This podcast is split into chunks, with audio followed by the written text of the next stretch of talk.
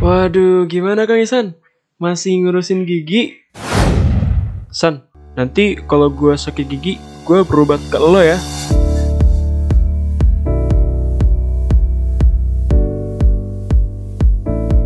Halo, assalamualaikum warahmatullahi wabarakatuh. Alhamdulillah nih, Soib Soibah, Ihsan kembali menyapa lagi Soib Soibah semuanya di podcast Halo Doksan. Uh, apa kabar Soib Soibah? Kemarin kita habis senang-senang ya merayakan Hari Kemerdekaan Republik Indonesia 17 Agustus 2021. Hari kemerdekaan, hari ulang tahun Republik Indonesia ke-76 Indonesia tangguh, Indonesia tumbuh. Amin. Semoga sahabat sahibah juga dalam keadaan yang sehat, walafiat, dan bahagia. Oke. Kemarin itu kan 17 Agustus ini ya, hari yang memang bersejarah buat orang-orang Indonesia. Karena di situ kita mendapatkan kemerdekaannya. Nah, ada yang merayakannya itu dengan meriah ya di acara-acara ada di lapangan dan merayakan perlombaan. Tapi ada juga yang uh, melakukannya itu secara virtual. Ada voting-voting di Instagram gitu. Eh, iya, polling di Instagram. Tarik tambang virtual. Itu seru juga tuh. Ada di Unpad Herai gitu ya. Nah, tapi kebetulan nih karena Isan tinggalnya di kampung dan jadinya 17-an itu tetap dilakukan secara offline, datang ke lapangan, tapi tetap menjaga protokol kesehatan, pakai masker, terus ada tempat pencucian tangan juga tidak terlalu berkerumun kayak gitu-gitu ini salah satu yang ini ya membuat sedih di antara kebahagiaan yang lain. Karena kan di sana kan ketemu sama banyak orang nih dan biasanya orang-orang itu uh, memulai percakapan dengan Nisan tuh biasanya diawali dengan kegigian. Karena mereka tahunya itu Isan memang seorang mahasiswa kedokteran gigi gitu ya. Dan mereka tahu tahunya tuh kayak si Isan nih ngurusin gigi nih. Ya ya ampun gigi men cuman 6% dari tubuh manusia doang. Tapi itu tuh penting. Terus ada yang beranggapan kalau misalnya Isan tuh cuman ngurusin ya gigi doang gitu loh. Ya ya nggak apa-apa lah karena mungkin mereka tidak tahu gitu ya. Makanya nih Isan buat podcast ini. Kalau ternyata dokter gigi pun bukan cuman ngurusin gigi doang nggak cuman sekedar gigi tapi kita ngurusin yang lain. Mau tahu? Ini dia ceritanya.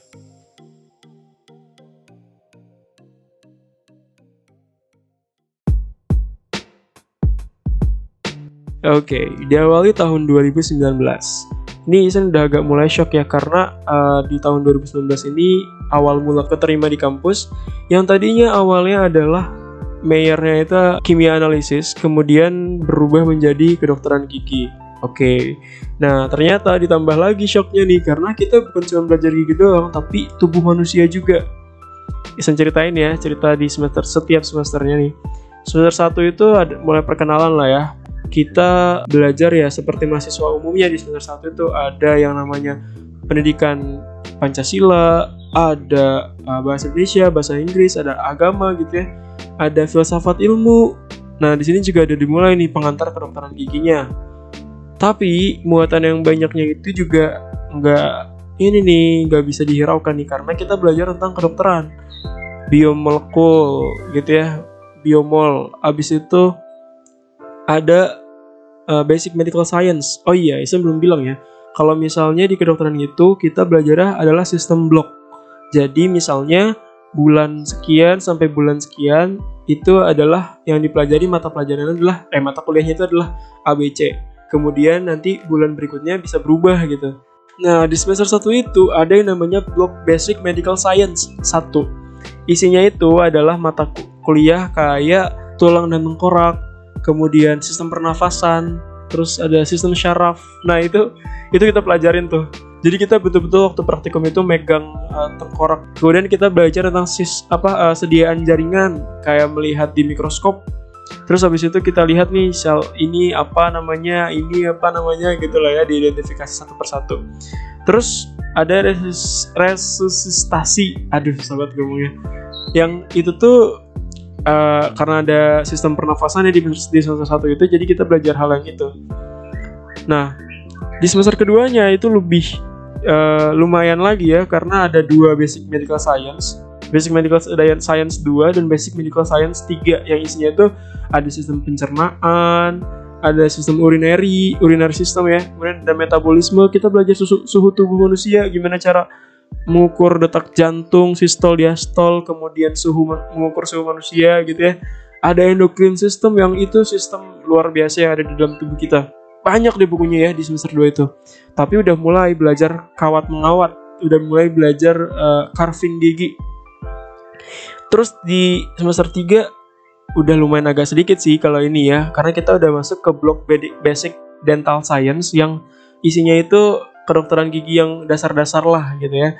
Terus tapi masih ada nih basic medical science-nya, basic medical science 4 yang isinya itu mikrobiologi, kayak kita belajar parasit cacing, kita belajar bakteri, kita juga ada ini patologi anatomi. Jadi betul-betul penyakit yang ada di manusia itu kita lihat secara patologisnya di dalam uh, tubuh kita. Kita lihat dia di mikroskop kayak ada perubahan apa di selnya, apa dia membesar, apa dia memperbanyak, apa dia mengecil gitu-gitu. Hal yang kayak gitu kita pelajari betul-betul di semester 3. Selanjutnya di semester 4 ini udah makin gila nih, makin gila. Karena kita udah masuk ke dental science, ada blok dental science yang isinya kedokteran gigi banget gitu ya tapi masih ada basic medical science ya 5 yang kelima nih basic medical science 5 isinya itu mata kuliah kayak spesialisnya kedokteran. Misalnya kan kalau kedokteran itu ada ini ya ada spesialis kesehatan jiwa spesialis THT spesialis uh, apalagi kulit kelamin. Nah itu kita benar-benar belajar itu.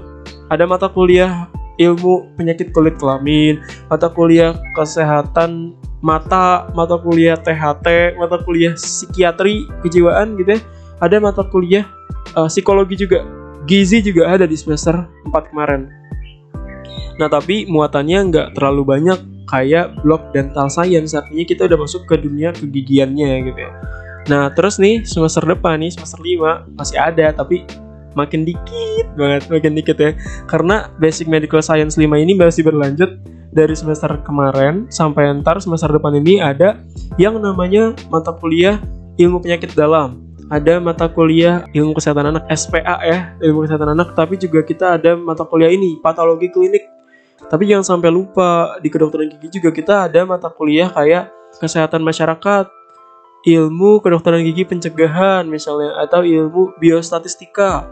Ada uh, epidemiologi ada uh, demografi. Nah itu juga kita pelajari. Jadi dunia kedokteran gigi itu nggak cuma ngurusin gigi doang tapi kita melek kok melek ke hal-hal yang lainnya gitu sebenarnya tujuannya apa sih? Emangnya ada gitu dokter gigi yang ngurusin psikiatri juga? Eh jangan salah ya.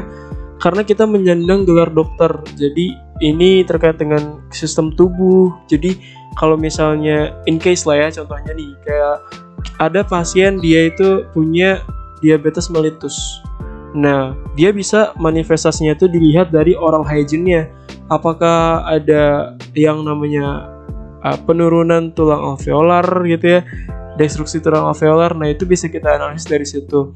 Atau misalnya dia ada HIV, ini kan ada kulit kelamin ya, dia ada HIV misalnya dia bisa terjadi kandidiasis di rongga mulutnya. Kayak gitulah ya, walaupun sekarang belum terlalu kelihatan ya kayak gimana nanti tapi di klinik kayak udah ini aja apa terbayang lah akan sedikit banyak uh, terpakai ilmu-ilmu seperti itu. Contoh lain nih ya, ada uh, alumnus FKG UGM ini bercerita di era pertengahan 80-an dia pernah ditempatkan di daerah Barito, itu di Kalimantan Tengah.